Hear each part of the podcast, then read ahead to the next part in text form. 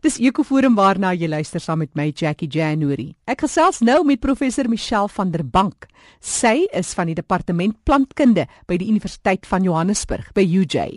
Michelle, jy het onlangs die wêreld plat gereis hier in Suider-Afrika op soek na interessante plantspesies, want jy is steeds besig met 'n interessante projek en dit gaan alles oor die streepieskode van plante. Ja, weet jy Jackie, dit gaan so goed jong. Ek weet baie daar nie weet waar gaan ek genoeg hande kry om al die goed te doen nie, maar soos jy nou sê ons het so gereis. Ons was onlangs in Zambië gewees en dit was nou vir my verskriklik interessant om om hulle plante te bekyk want hulle het hierdie interessante plante bome wat onder die grond groei. So net een keer 'n jaar dan stoot die uh, takke nou uit, hy blom, hy maak vrugte en dan gaan dit weer onder die grond in. So ons was nou op soek na die plante in Zambië. So dit was baie lekker geweest. Maar dis nou interessant, bome wat onder die grond groei, maar groei alle bome dan nie maar in elk geval onder die grond? Wanneer sal jy 'n boom maak daar onder die grond? Ja, maar gewoonlik kry jy mos nou maar die wortelstelsel ja. onder die grond, maar in hierdie geval is die stam ook onder die grond. Jy weet, so hy dis basies, jy weet, mense spekuleer nou maar bietjie hieroor, maar dit jy kry dit nou in die gras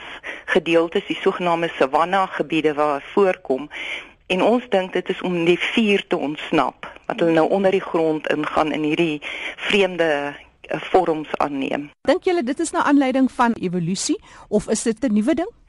Weet jy, ons het dit probeer kyk hoe oud die die vorm is, hierdie lewensvorm en op die oomblik die, die meeste van hulle het omtrent so 2-3 miljoen jaar terug ontstaan. Jy weet, so redelik jonk hmm. evolusionêr, ja. Nou Michelle, vandag wil ons eintlik gesels het oor 'n interessante CITES projek want volgende week kry jy 'n jouse besoeker uit Amerika. Ja, dis David Chandel. Hy het aansoek gedoen deur Google van alle plekke vir vir, vir geld vir hierdie projek.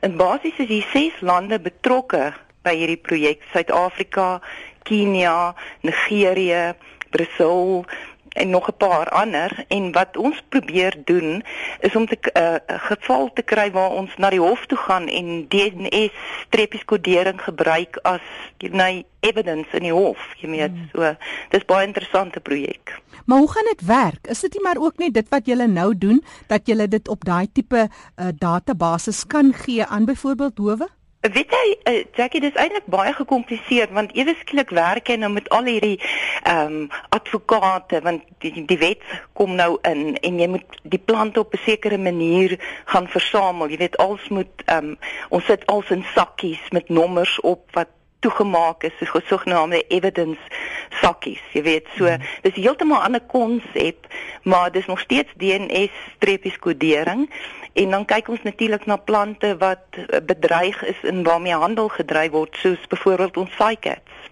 En hulle loop nogal kwai deur sekere broodboom spesies spesifiek, nê? Weet jy daar is ek dink dit is 3 of 4 spesies wat al reeds uitgesterf het in in Suid-Afrika, nie meer in die ehm um, veld beskikbaar nie. Jy weet mens nou in botaniese tuine wat jy hulle kan gaan kyk.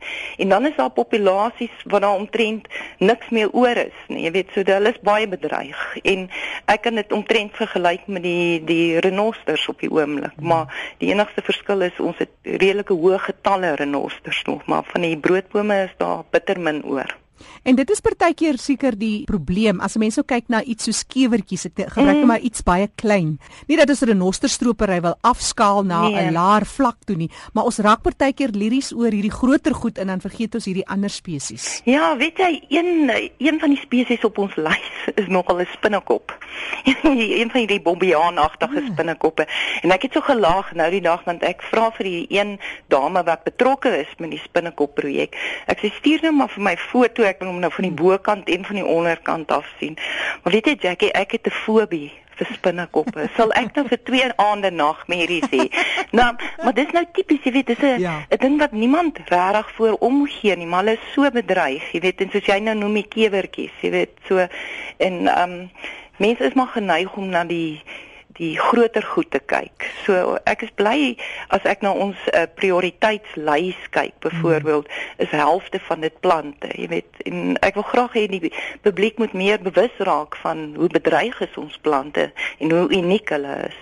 As ons nou net fokus op byvoorbeeld CITES wat spesifiek kyk mm. met die onwettige handel van spesies, mm. fauna en flora renosterhorings, wat dit ook al is, dit plante amper 'n ander kategorie want dit word weer geplant en dan word dit 'n indringer. Daar's soveel verrykende gevolge wat so iets juis tot gevolg kan hê. Ja, weet jy, eh, blykbaar ons ehm um, broodbome word meestal uit uitgevoer Amerika toe, jy weet. En ek het nou die dag gesien hulle betaal tot hier 6000 US dollars vir 'n uh, redelike groot broodboom. Dis nogal baie geld. Dis baie geld, ja. Mm. Ja, maar weet jy as jy praat nou so van indringerplante, ons het 'n baie interessante projek ook op die lughawe wat ons nou van hierdie jong studentjies wat nou besig is om opgelei te word, wat op die lughawe sit en hulle gaan nou deur pakkies en goed wat inkom en kyk of die papierwerk reg is.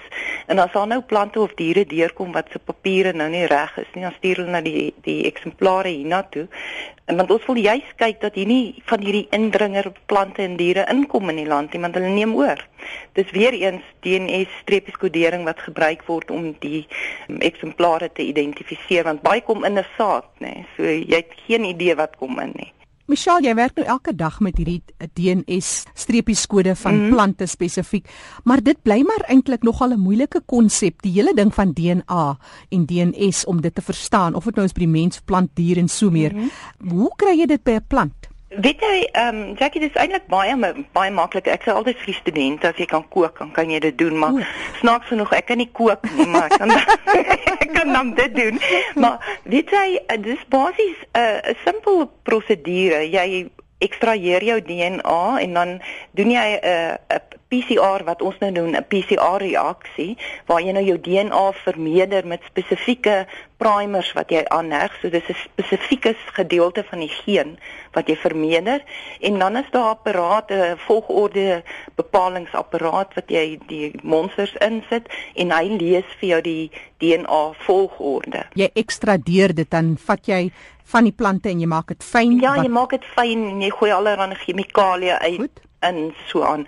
Maar weet jy, die belangrikste ding hierso Jackie en dit is nou waaraan ons hier afgelope 7, 8 jaar werk is om hierdie database op te bou want op die einde van die dag wil jy nou hierdie onbekende in daai database insit en hy moet dit met iets um, as ek die woord kan gebruik match. Jy weet jy hmm. moet sê spee hierdie onbekende is dieselfde as spesie A. Daar's 'n 100% kans dat dit dit is. Jy weet so uh, die database is verskriklik belangrik en ek was onlangs in Kanada gewees en jy weet by die um, internasionale barcode of life projek en weer eens is dit gesê ons moet hierdie database opbou jy weet so en ons gaan binnekort um, China toe vir 'n kongres daarso ook oor DNS-streepieskodering waar ons meer en meer mense wil betrokke kry om om hierdie database op te bou Nou julle het al verskeie projekte van stapel gestuur soos jy nou nou vertel het. Mm -hmm. Onlangs het julle so uitreik gehad. Mm -hmm. In Kreur was daar al baie werk gedoen. Hoe vorder julle met Suid-Afrikaanse spesies? Weet jy, hierso by ons uh, by uh, eh, UJ het ons nou so by die 23 um, ehm, eksemplare ge streepieskodering vir hulle. So ons vorder fliks, hoor, die bome waar ons hoofsaaklik werk, het ons al die bome omtrent van Suidelike Afrika nou. Ek sou sê 90 95% van hulle is uh, gekodeer. So uh, ons vorder baie fliks oor die grasse van Suidelike Afrika se gedoen. Ek het 'n kollega by die Universiteit van die Wes-Kaap wat saam met my daarop werk. So jy weet dit gaan goed. Mm. Nou, die diere is bietjie stadig. Ons moet daar nog bietjie bietjie ja. werk aan. Nou jy praat nou van die bome en dit is ook mos partykeer makliker om sekere spesies so te kan kodeer, maar as jy nou mm. nou kyk na ons plante, ons het mos 'n blommeryk wat vir niks skrik en ja. dan ontdek jy nog in die proses ook nuwe spesies. Weet jy eh, onlangs met die Toyota Enviro Outreach was ons in die Noord-Kaap. Ek sien nou onlangs, dit voel soos onlangs, maar dit was hier by April gewees en daar het ons nog nuwe spesies gekry. Ja, ek glo dit as jy wil. Mens kry baie nuwe soor. So dit is eintlik enige wetenskaplike se droom om op so 'n reis te gaan. Weet jy, dit is fantasties. Ek elke jaar dan staan die mense tou om saam te gaan, weet jy. En ons is al reeds besig om te beplan vir volgende jaar se se outreach. So dit is net, weet jy, prof Erik Holm het dit 2 jaar terug was hy saam met ons in Kosi Bay en hy het dit vir my so mooi beskryf. Hy het gesê dit is soos ou hierdie ou ontdekkingsreisigers ja. wat uitgegaan het en jy ontdek nuwe goed. En dit is nie net plantkundiges nie, is die dierkundiges saam en jy weet jy ruil idees uit en ag dis dis verskriklik lekker hoor en dis so stimulerend vir die studente en hulle kom uit in die veld en hulle jy weet sien die plante en die diere so dis 'n fantastiese ervaring Dis professor Michelle van der Bank wat so lekker gesels. Uh, sy is by die departement plantkunde van die Universiteit van Johannesburg. Michelle gee 'n bietjie vir ons julle webtuiste waar kan mense bietjie meer oplees? Weet jy, ehm um, jy kan by ons laboratorium se ek uh, gaan oplees is acdb.acdb.co.za. Waarvoor staan die ACDB? Dis African Centre for DNA Barcoding. As 'n ehm um, akademikus Michelle is jou alfabet 'n bietjie deurmekaar daar ACDB. Maar weet jy dit maak nogal 'n goeie indruk op mense. Hulle vergeet dit nie wen toe hoor. Michelle van der Bank wat gesels het net weer hy webtuiste dis acdb.co.za.